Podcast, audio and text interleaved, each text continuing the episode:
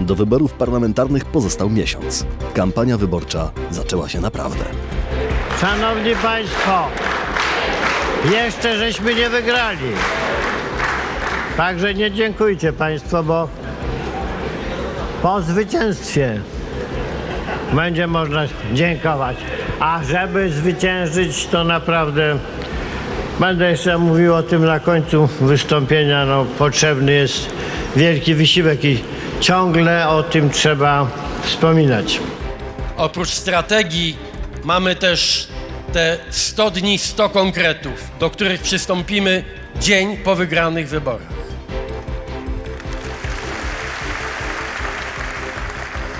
I te marzenia to nie są jakieś, wiecie, wielkie ideologie. To nie są też wielkie pretensje. Ludzie w Polsce chcą po prostu żyć godnie. Miniony weekend odbyły się konwencje wyborcze. Co nam obiecują liderzy partii? Ile warte są te obietnice i jakie wizje przyszłości Polski za nimi stoją?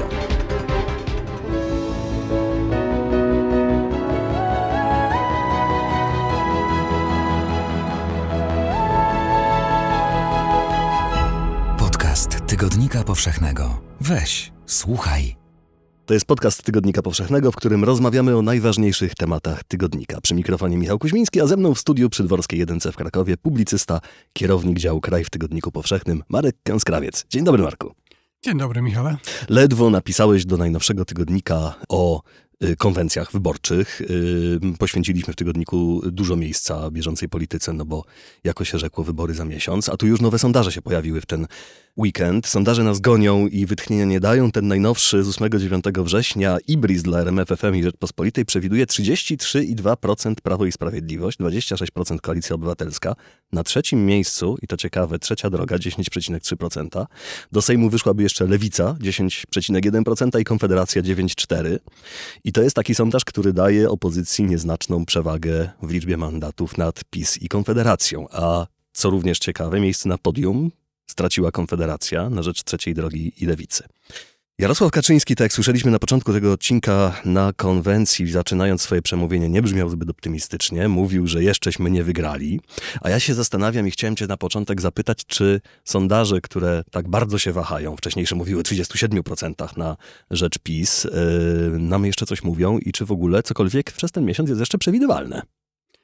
Można by powiedzieć, że niewiele nam mówią, skoro dają dość przeciwstawne wyniki, ale mówią nam bardzo wiele, jak y, ta sytuacja się zmienia i jak do ostatnich dni będzie trwała koszmarna, agresywna, pełna emocji kampania wyborcza. Te dwa sondaże są o tyle ciekawe, że są chyba w odstępie trzech dni, pokazują zupełnie różne wizje przyszłości Polski. W tym ostatnim sondażu wygląda na to, że o ile pamiętam, e, koalicja złożona z no, Koalicji Obywatelskiej Trzeciej Drogi i Lewicy miałaby około 231 posłów. PiS poniósłby klęskę.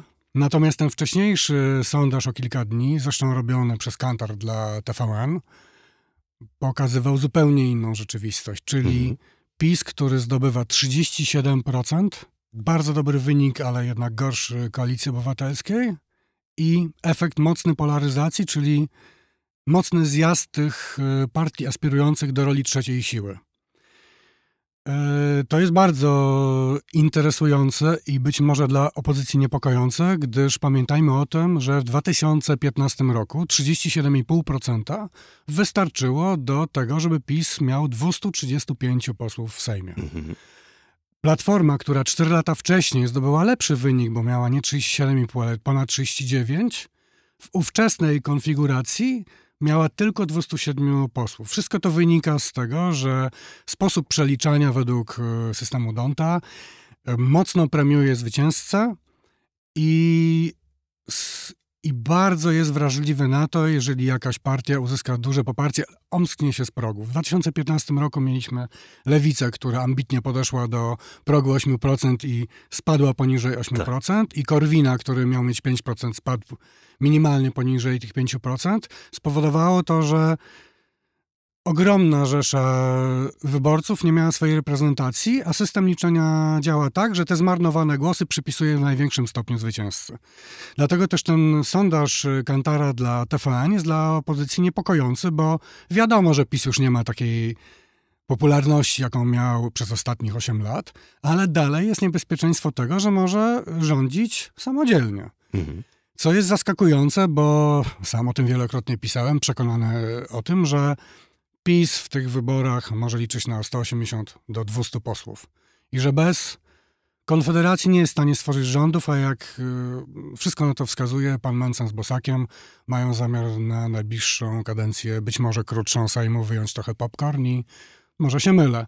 I oglądać, y, jak się z ich perspektywy, jak to oni mówią, dwóch emerytów bije o Polskę, a oni chcą pokazać, że ten system jest niefunkcjonalny i w kolejnych wyborach, być może przyspieszonych, być może iść do władzy. Mhm. To się oczywiście może zmienić, ale wracając do Twojego pytania, sytuacja jest potwornie zagmatwana, ale dla nas o tyle interesująca, że sądzę, iż e, partie polityczne pragnące przekonać nas do głosowania będą musiały wymyśleć coś ciekawszego niż do tej pory. W poprzednim numerze tygodnika Antoni Dudek w wywiadzie z Michałem Okońskim mówił o tym, że to będą wolne wybory, ale nie będą to wybory uczciwe. Sytuacja jest taka, że partia władzy no, ma za sobą nie tylko ten gigantyczny aparat, ale też ma y, oczywiście telewizję polską, ma też kampanię referendalną, która zupełnie zmienia reguły gry na jej korzyść. No to widziałem w sobotę, bo obserwując konwencję czterech głównych sił politycznych, piątą jest oczywiście Konfederacja, która nie miała konwencji y, w sobotę, ale odbyły się cztery bardzo ważne, być może najważniejsze przedwyborcze konwencje czterech głównych ugrupowań, czterech z pięciu. TVP Info poświęcała czas wyłącznie konwencji Mhm. PiSu. No to jest y, y, dowód na to, że nie mamy do czynienia z mediami publicznymi. Jasne. To zrobiono po prostu po orwellowsku. Tamci nie istnieją. Oni ich po prostu nie ma. E, biorąc pod uwagę to, co się wylewa z telewizji publicznej codziennie, ta nienawiść, która być może już w pewnym momencie być już nawet kontrproduktywna, bo to jest tylko, to jest tak radykalne, że może trafiać tylko do bardzo hardkorowego elektoratu prawicy. Natomiast y, no, nie pozostawia trochę oddechu opozycji. Ta dysproporcja między funduszami przeznaczonymi na tę propagandę internetową, telewizyjną y, w mediach społecznościowych no, jest ogromna. Y, Przede wszystkim PiS korzysta z państwowych pieniędzy. To, o czym wspomniałeś. Kampania referendalna, już kilka spółek Skarbu Państwa, banki, wielkie firmy zgłaszają się do PKW, poprzez fundację będą informować o referendum. Widzieliśmy, jak informowano do tej pory o referendum. Mieliśmy cztery filmiki, na których można powiedzieć, że od biedy w trzech wystąpili przedstawiciele państwa, czyli był minister Błaszczak, wicepremier Kaczyński, premier Morawiecki, ale czwarty filmik nagrany przez zwykłą europosłankę Beatę Szydło. Ona nie reprezentuje żadnej władzy. Mhm. Ona reklamuje film o referendum.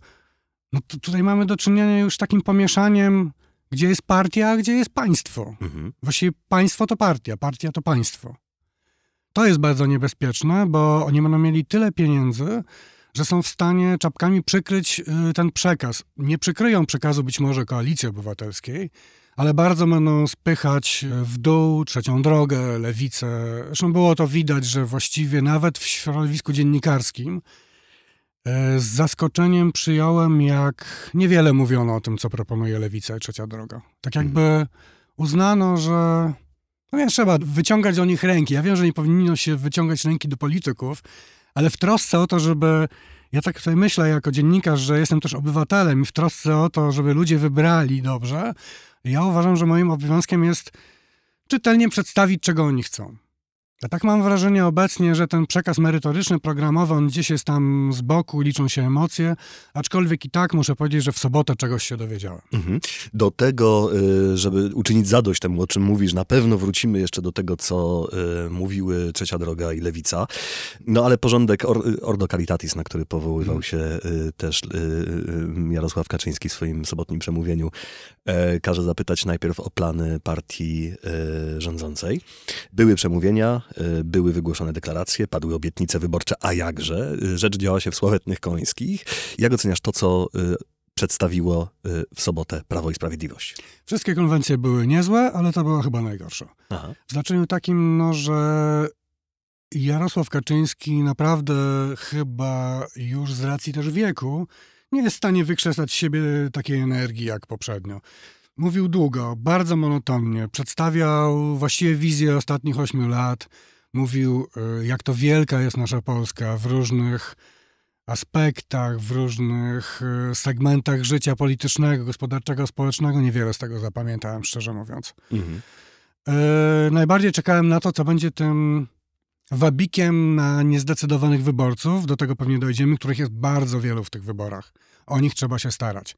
Natomiast to, co usłyszałem w programie e, PiSu, to było dla mnie o tyle zaskakujące, że e, występował Jarosław Kaczyński, który mówił o Wielkiej Polsce, o tym, jak e, doganiamy Zachód. Po nim wystąpił premier Morawiecki, który mówił, że w realnej bliskiej przyszłości jesteśmy w stanie dogonić poziom życia Francuzów bez płonących, jak dodał, Mhm. aut na ulicach. Po czym y, ja otrzymuję e, program y, na ten ostatni miesiąc i to jest zestaw y, tego, co już usłyszałem, czyli obiady w szkole, patriotyczne wycieczki dla młodzieży, lepsze obiady w szpitalach, 800+. Wszystko to słyszałem. Właściwie nowym elementem głównym były emerytury stażowe. Mhm. Ale jak na tą wizję Wielkiej Polski, która musi jeszcze mocniej iść do przodu, doganiać ten świat, ja słyszę takie postulaty, które są do realizacji tak naprawdę rozporządzeniem. No, no, obiady, no co to jest? Wielkiej Polski, która po ośmiu latach przypomina sobie o tym, że obiady w szpitalach są wołające o pomstę do nieba. No to trochę wyglądało, nie powiem komediowo, ale myślę, że ci niezdecydowani wyborcy, bo zakładam, że ci, którzy są zdecydowanymi, dla nich ta konwencja nie miała żadnego znaczenia, usłyszeli dokładnie to, co już słyszeli wcześniej. Ale ci, którzy oczekiwali czegoś nowego i zastanawiają się może nad tym, no, czy jednak temu PiSowi nie dać szansy, no myślę, że tu niewiele usłyszeli nowego. Ja co usłyszałem nowego, to raczej to, co jest niebezpieczne w znaczeniu zmian systemowych, jeśli będzie trzecia kadencja. O właśnie, wrócimy za chwilę do tego, co mówiłeś o walce o niezdecydowanych wyborców, ale posłuchajmy przez chwilę pana prezesa Kaczyńskiego, który na początku swojego przemówienia wymieniał wartości, którymi kieruje się Prawo i Sprawiedliwość. Y, Pośród nich y, wymienił wolność, ale była to wolność dość specyficznie zdefiniowana. Posłuchajmy. My tej wolności bronimy, ale ona może funkcjonować realnie tylko w połączeniu z demokracją, czyli z wolnością, można powiedzieć, partycypacyjną, polegającą na tym, że się po prostu uczestniczy we władzy. Albo bezpośrednio, jak w referendum, albo pośrednio poprzez wybory, poprzez powołanie parlamentu, a na niższych szczeblach rad, rad samorządowych. Dziś jest tendencja do tego, by to kwestionować, by przekazywać władzę różnego rodzaju instytucjom, które są poza jakąkolwiek kontrolą. Nikt ich nie wybiera, nikt im nic nie może zrobić. No, najczęściej to jest tendencja dzisiaj w całej naszej cywilizacji bardzo mocno występująca. Tą instytucją są sądy. My tego rodzaju dążenia, wszystko jedno, czy to chodzi o sądy, czy o jakieś inne instytucje, czy jakieś środowiska, jakieś tak zwane elity, odrzucamy. Władza jest w ręku narodu, w ręku społeczeństwa. Co nam tu mówi prezes Kaczyński? No, mówi nam bardzo niebezpieczną rzecz. Otóż usłyszeliśmy, tam chyba nawet było takie sformułowanie domknięcia procesów demokratyzacyjnych, tak jakby byśmy żyli teraz w niepełnej demokracji i musimy uzyskać pełną demokrację. Wiele osób, które mają w sercach idee demokratyczne, widzą to zupełnie odwrotnie. E, Prezes Kaczyński pewnie ma rację do pewnego stopnia. Kiedyś ktoś powiedział, że z Kaczyńskim, ale to w dawnych czasach, zgadza się zawsze do przecinka, a po przecinku, jak on mówi, co by zrobił, to się za głowę chwyta. Tutaj rzeczywiście jest tak, że e, trzecia władza, władza sądownicza, w Polsce rzeczywiście trochę przez pewien, przez, w okresie trzeciej RP była wypreparowana spod kontroli narodu. Ja jako były dziennikarz śledczy widziałem nieraz takie procesy sądowe, które powodowały, że potem w 2015 roku mm, ciężko było mi chodzić na protesty pod sądy, bo widziałem tak wielu sędziów, którzy pomylili niezawisłość z nieomylnością, Mhm. którzy mieli tak przerośnięte ego i tak traktowali strony i też e, dowody w taki swobodny sposób, że naprawdę no, oglądałem się na salach sądowych różnych rzeczy. Ale to e, rozumiejąc różne patologie, oczyszczanie patologii nie polega na tym, że my teraz wywracamy instytucje tylko po to, żeby dać innych ludzi w te same miejsca. A trochę niestety tak to wygląda. że PiS walczy z kastą, tworząc nową kastę, dużo gorszą. Mhm. Nie ma co do tego żadnych wątpliwości. My, jeżeli wygra PiS, zrodzimy się w takiej sytuacji, że za chwilę będzie się domykać różne procesy. Czyli tak, mamy już wielu nowo powołanych sędziów, będzie ich przez kolejne 4 lata jeszcze więcej. Oni być może wydawać już będą wyroki niekoniecznie y, ze ślepą tam idą w tle. E, Będziemy mieli do czynienia z sytuacją, w której nie będzie można powołać e, nikogo na stanowisko unijne bez zgody prezydenta, bo zagwarantowano sobie w kolejnej ustawie teraz, że on musi wszystko klepnąć. Nie będzie można odwołać prokuratora krajowego, bo zostanie on rozdzielony. Przecież tak PiS y, strasznie walczył o to, żeby to połączyć, teraz to będzie rozdzielał, ale tylko dlatego, żeby na wszelki wypadek, jeżeli przegra, minister sprawiedliwości nie mógł odwoływać prokuratora krajowego bez zgody prezydenta Dudy.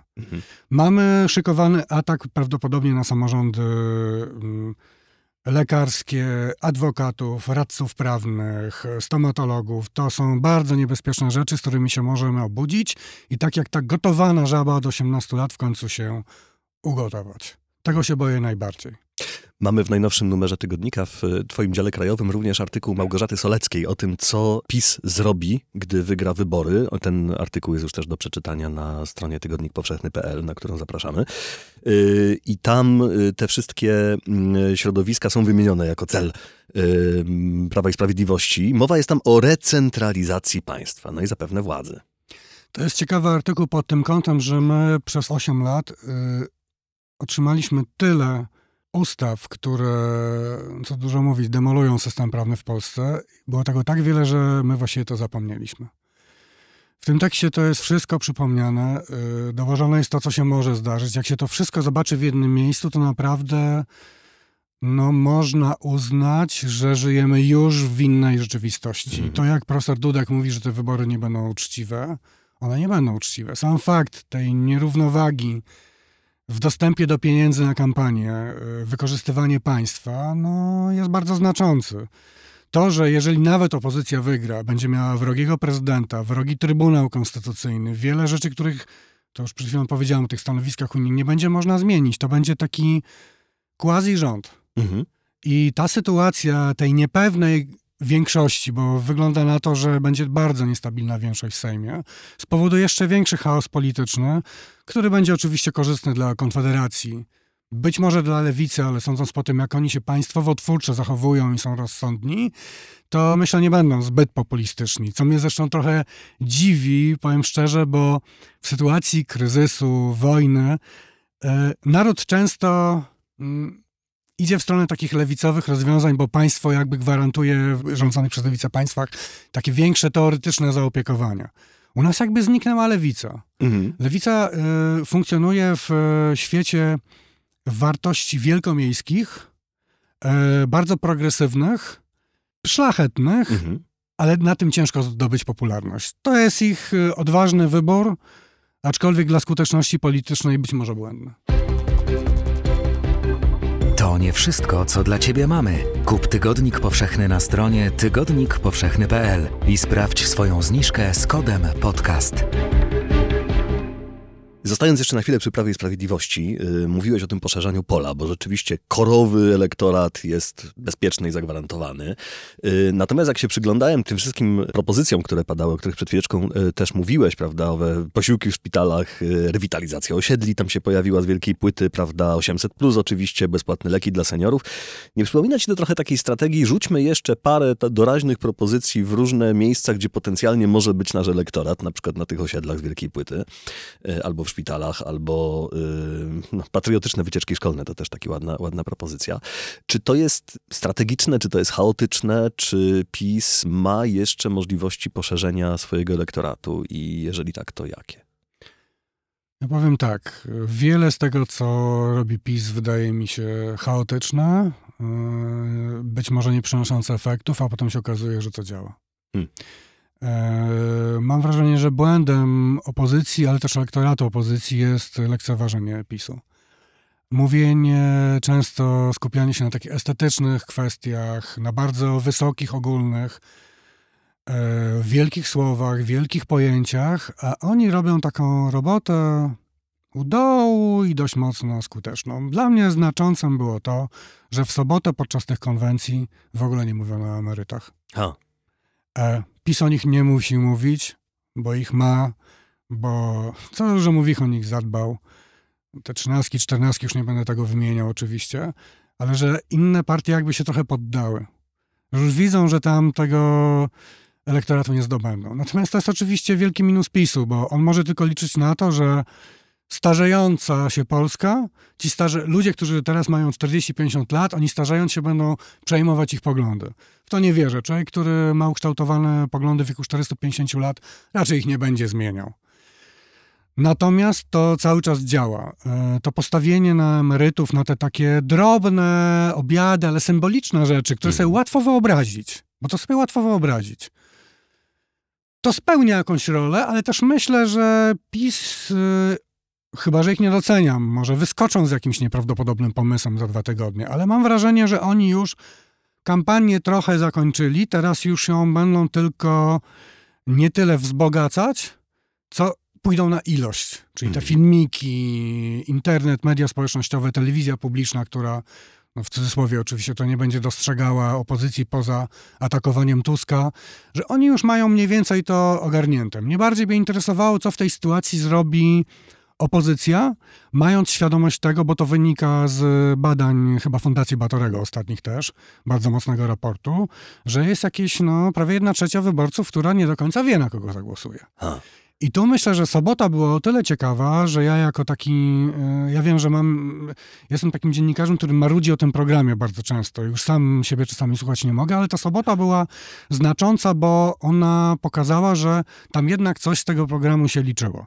Oczywiście było trochę takich e, mocno populistycznych e, tez, które się pewnie nie złożą w budżet, bo ja się cały czas zastanawiam na przykład, Koalicja Obywatelska, Platforma, która tak dużo mówiła przez całe 8 lat o rozdawnictwie, o konieczności dyscypliny wydatków publicznych, walce z inflacją i tak dalej, o tym, że te budżet musi się wydatki i, i, i dochody się powinny spinać jakoś. E, Pomysł 60 tysięcy kwoty wolnej od podatku jest, y, jest no, brzmi cudownie. Oznacza, że e, człowiek zarabiający tam, nie wiem, 5-6 tysięcy złotych właściwie nie płaci podatku dochodowego.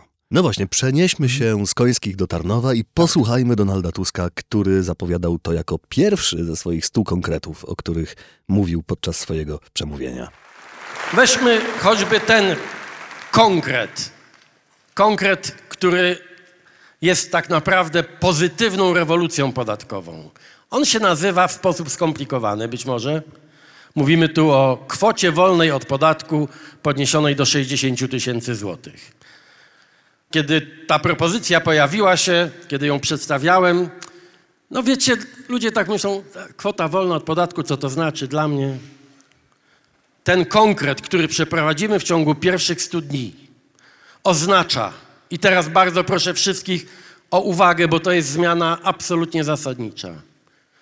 W Polsce każda emerytka, każdy emeryt, który ma emeryturę do 5 tysięcy złotych, nie będzie już płacił podatku dochodowego.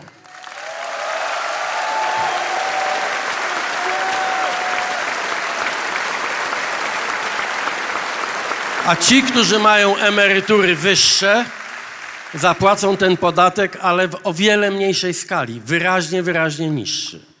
Jeśli chodzi o ludzi pracujących,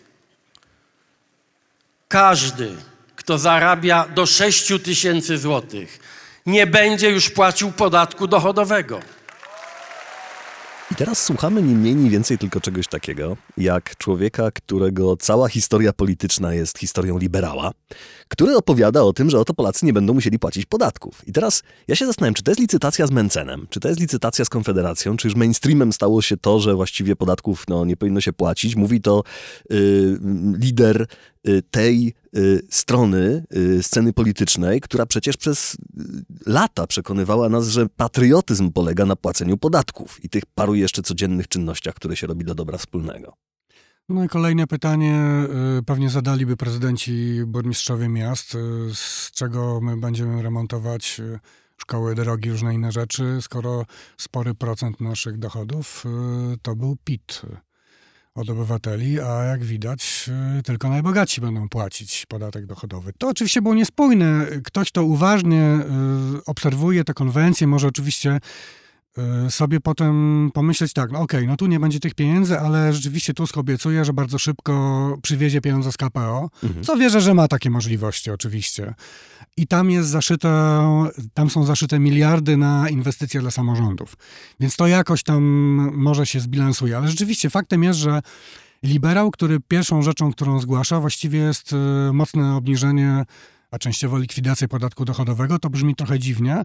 Interesujące było to, że dopiero jako któryś z kolei pojawił się ten główny postulat taki społeczno-kulturowo-obyczajowy, bardzo ważny też ideologiczny, czyli aborcja do dwu- 12 tygodnia życia dziecka. Mhm.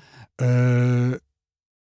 A w ogóle też nie pojawiła się kwestia zboża ukraińskiego, chociaż e, był przecież Kołodziejczak. Nie pojawił się element, który tego samego dnia wybrzmiewał w internecie, czyli filmik cały czas, kolejne filmiki e, z uchodźcami w różnych takich dziwnych rolach. To podkreślanie y, muzułmańskiej religii, przywiązanie do islamu tych uchodźców, to jest taka dziwna dla mnie gra. Tego nie było na samym początku konwencji. W ogóle właściwie kwestii uchodźczej nie było imigranckiej prawie w, na konwencji koalicji. A był ten y, element podatkowy i to było bardzo interesujące dla mnie, bo ja z jednej strony rozumiem, że to jest wbrew e, temu, jak wyglądała kiedyś Platforma Obywatelska. To rzeczywiście była jakaś liberalno, nawet dość konserwatywna partia. Teraz e, elektorat jest trochę inny. On przyszedł mocno do centrum. Myślę, że wśród elektoratu koalicji jest sporo też elektoratu, który e, mógłby w pewnych aspektach głosować tak jak lewica, może nawet bardziej niż tak jak trzecia droga. Także do pewnego stopnia rozumiem, że y, Donald Tusk mm, wie, że skoro pewne rzeczy były skuteczne y, w rękach PiSu, mogą być też skuteczne w jego rękach. Zobaczymy, zobaczymy. Wydaje mi się to bardzo ryzykowne. Obawiam się, że może to stać w sprzeczności z dążeniami sporej grupy tych niezdecydowanych, którzy nie chcą tego rozdawnictwa. Niedawne badania mówiły nawet o tym, że i w elektoracie PiSu zwolenników podwyższenia z 500 do 800 plus nie było wcale tak dużo. Ludzie coraz częściej rozumieją, że dawanie im pieniędzy oznacza, że najpierw trzeba im zabrać. Mhm. Więc to jest dość ryzykowny rodzaj taktyki, ale nie wiem, nie wiem, nie będę się wymądrzał. Być może za tym tkwią jakieś y, bardzo kompleksowe, głębokie badania, może Tusk ma rację. Też należałoby zapytać o to poszerzanie y, pola elektoratu w kontekście właśnie Koalicji Obywatelskiej. Zastanawia mnie ten Tarnów, prawda? Już wybór tego miejsca, które jest przepięknym miastem, bardzo bliskim mojemu sercu. Niemniej nie jest to bastion y, opozycji dzisiejszej, prawda? To jest takie już właściwie trochę bardziej od, pa- patrzące w stronę y, Podkarpacia, region Polski. A tu nagle Donald Tusk w Tarnowie, pełna sala, brawa.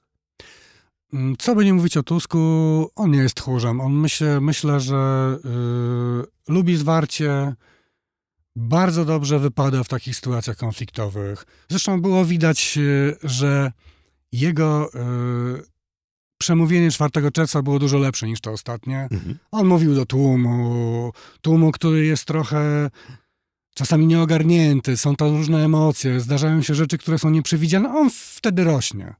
Kiedy jest wszystko w formie takiej akademii, jemu ciężej znaleźć e, odpowiednie słowa, trochę było chaosu w tym jego przemówieniu.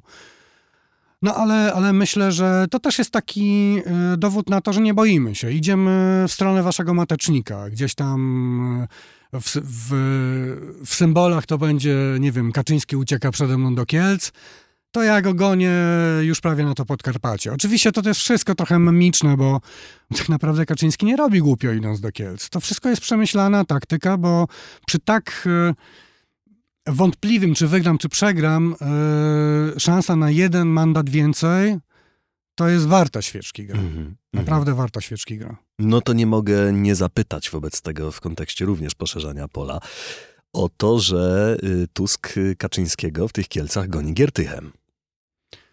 No to jest y, dla mnie już na poziomie ideowym trochę niezrozumiałe, bo z jednej strony można powiedzieć, że mm, W części Giertych ma takie poglądy jak y, skrzydło konserwatywne w tych latach 2000, powiedzmy 10, kilkanaście lat temu, kiedy PO zdobywała władzę. No ale Giertych był wtedy gdzie indziej. Giertych yy, toczył wojnę z Gombrowiczem, absurdalną wojnę, a za Gombrowiczem występowali nawet politycy PiSu. On miał wtedy tak radykalne poglądy, yy, Wtedy ta jego koalicja z PiSem i samoobroną przecież nie rozpadła się dlatego, że Giertych zrozumiał, gdzie trafił. Mm. Ona się rozpadła tylko dlatego, że Kaczyński nie mógł znieść samoobrony i chciał różnymi metodami ją wykluczyć. Przy okazji zjadał oczywiście LPR, zjadał Giertycha.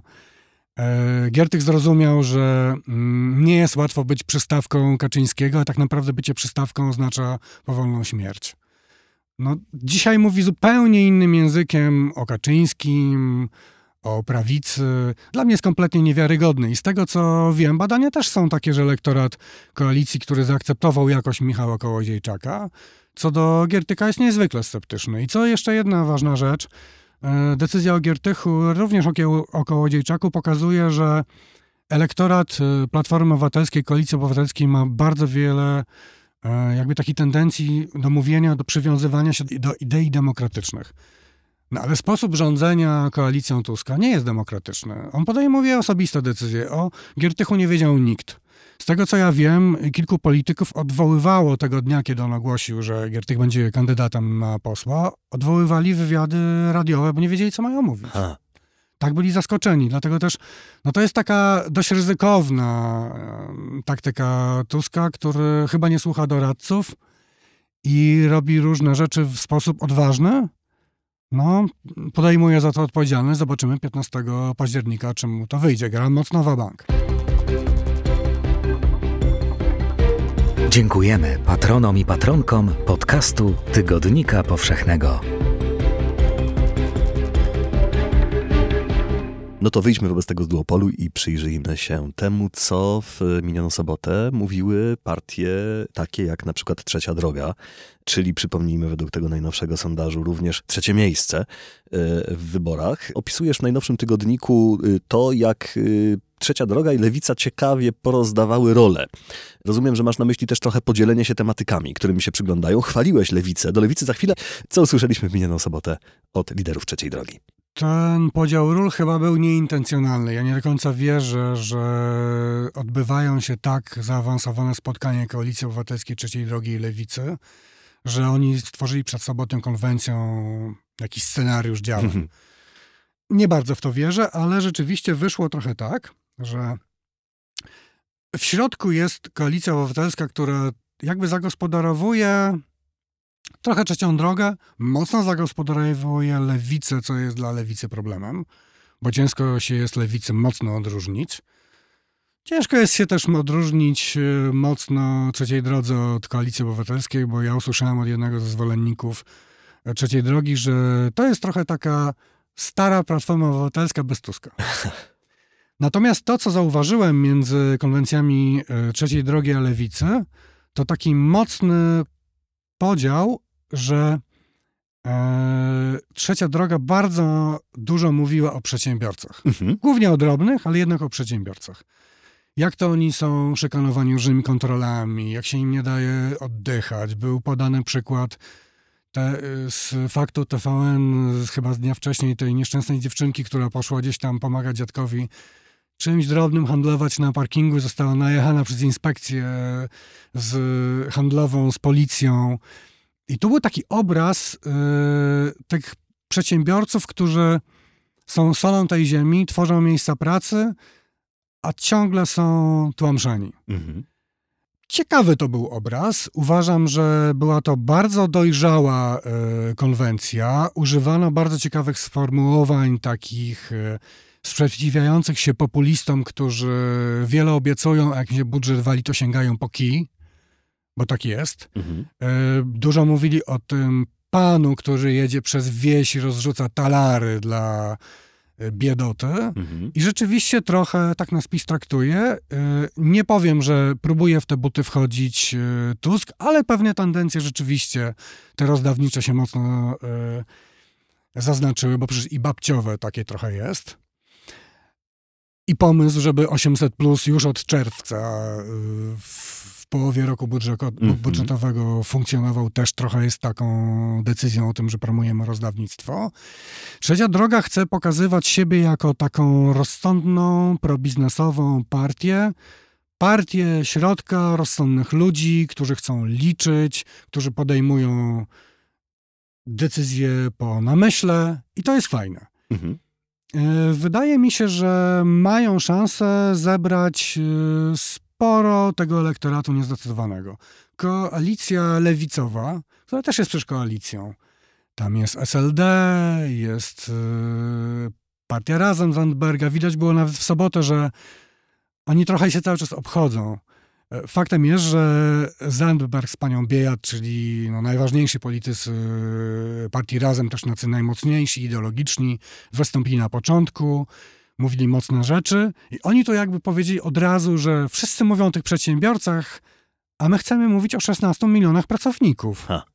I to jest ciekawe, bo głośno nikt o tych pracownikach nie mówi. Rzeczywiście, ja sobie też uświadomiłem, to jest 16 milionów ludzi, którzy są zapracowani, Mhm. którzy żyją w kraju, w którym nie ma praktycznie bezrobocia, mamy śladowe bezrobocie, jesteśmy w czołówce światowej, ale naszym problemem jest to, że w Polsce jest bardzo dużo pracy za te 4 tysiące. Czyli takiej za dużo, żeby umrzeć, jak to się mówiło, Mhm. za mało, żeby godnie żyć. Mhm. I myślę, że Polacy są tym bardzo zmęczeni. Widzą, że często pracodawcy, no, jakim żyją dostatnim życiem. Ja już nie mówię, że prezes zaraz sobie musi kupić to największe BMW, ale trochę tak yy, społeczeństwo odbiera sytuację, jaka jest na rynku pracy, że pracy jest bardzo dużo, ale to jest taka, kiedyś się mówią mak praca. Mhm. Taka, że popracować, porzucić, bo za chwilę nie mam energii, nie mam siły pracować. I myślę, że to skupienie się na pracobiorcach yy, i nawet takie.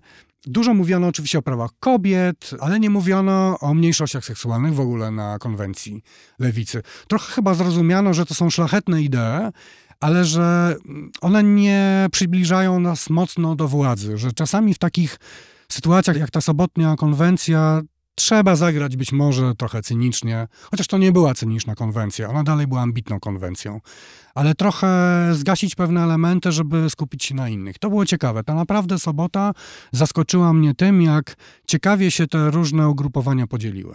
Kampania wyborcza zaczęła się naprawdę do wyborów miesiąc. My w Tygodniku Powszechnym i na stronie tygodnikpowszechny.pl będziemy Państwu regularnie opowiadać y, tę rzeczywistość polityczną, która nas w najbliższym czasie y, nie odpuści. A Ciebie, Marku, jeszcze chciałbym zapytać o to, co sam z najnowszego wydania Tygodnika Powszechnego byś polecił, co sam chętnie przeczytasz, y, który z materiałów Cię zatrzymał. Redagowałem nawet wywiad Przemka Wilczyńskiego z Mikołajem Marcelą, specjalistą od nowoczesnych systemów edukacji. I jak go redagowałem, to pamiętam w połowie tego tekstu byłem cały czerwony ze złości, bo autor bardzo mocno kwestionuje ideę obowiązku szkolnego. Potem zobaczyłem w trakcie czytania, że to jest nie oczywiście stuprocentowa chęć zlikwidowania obowiązku szkolnego, ale jak czytałem dalej, to zacząłem sobie przypominać moją szkołę.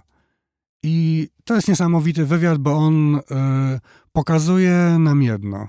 Wymyślono w XIX wieku klasy, ławki, krzesełka, tablice. Przeżyliśmy rewolucje różne technologiczne, dalej siedzimy w tych ławkach. I tak sobie pomyślałem, że rzeczywiście to jest taka formuła, która być może przynajmniej powinna zostać mocno przemyślana od początku, że my się tak przyzwyczailiśmy do tej naszej rzeczywistości, że nie wyobrażamy sobie innej. Potem pomyślałem sobie o tym, co było najpiękniejszego w szkole. No to oczywiście wiadomo, no, wszystkie pierwsze inicjacje, e, no bo to jest ten okres licealny zwłaszcza, Tak nie? A co mi się najmniej podobało, to pomyślałem sobie, ja nie byłem najbardziej żywym dzieckiem w klasie, ale byłem dość żywy i pamiętam, jak się czułem strasznie w tym terrorze tego siedzenia, terrorze uczenia się wszystkiego w taki sam sposób. Ja byłem dość długo obowiązkowy i dość późno zrozumiałem, że powinienem się sfokusować na tym, co mnie interesuje, a resztę trochę odpuścić. I bardzo często spotykam się z opiniami rodziców, którzy mówią o swoich dzieciach teraz, że teraz jest czasami jeszcze gorzej, że te dzieci jak kończą liceum i już mają tą maturę, mają 19 lat, to się czują trochę tak, jakby miały e, połowę baterii wyczerpanych na całe życie. Mhm. I być może szkoła te, te baterie nam zbyt szybko wyczerpuje. Wywiad o tym, czy szkoła musi zmuszać. Pod tytułem Koniec szkoły, jaką znamy, na y, stronie tygodnikpowszechny.pl i y, w najnowszym wydaniu Tygodnika Powszechnego znajdą Państwo. Bardzo go serdecznie polecamy. O przedwyborczym wyścigu partii również przeczytacie Państwo w najnowszym tygodniku. Ja serdecznie dziękuję Markowi Kęskrawcowi za dzisiejszą rozmowę. Dzięki Marko. Dziękuję bardzo. Michał Kuźmiński się nazywam i zapraszam Państwa już za tydzień. Dziękujemy za wysłuchanie podcastu. Poznaj też moc czytania na tygodnikpowszechny.pl. Czytaj i rośnij z nami.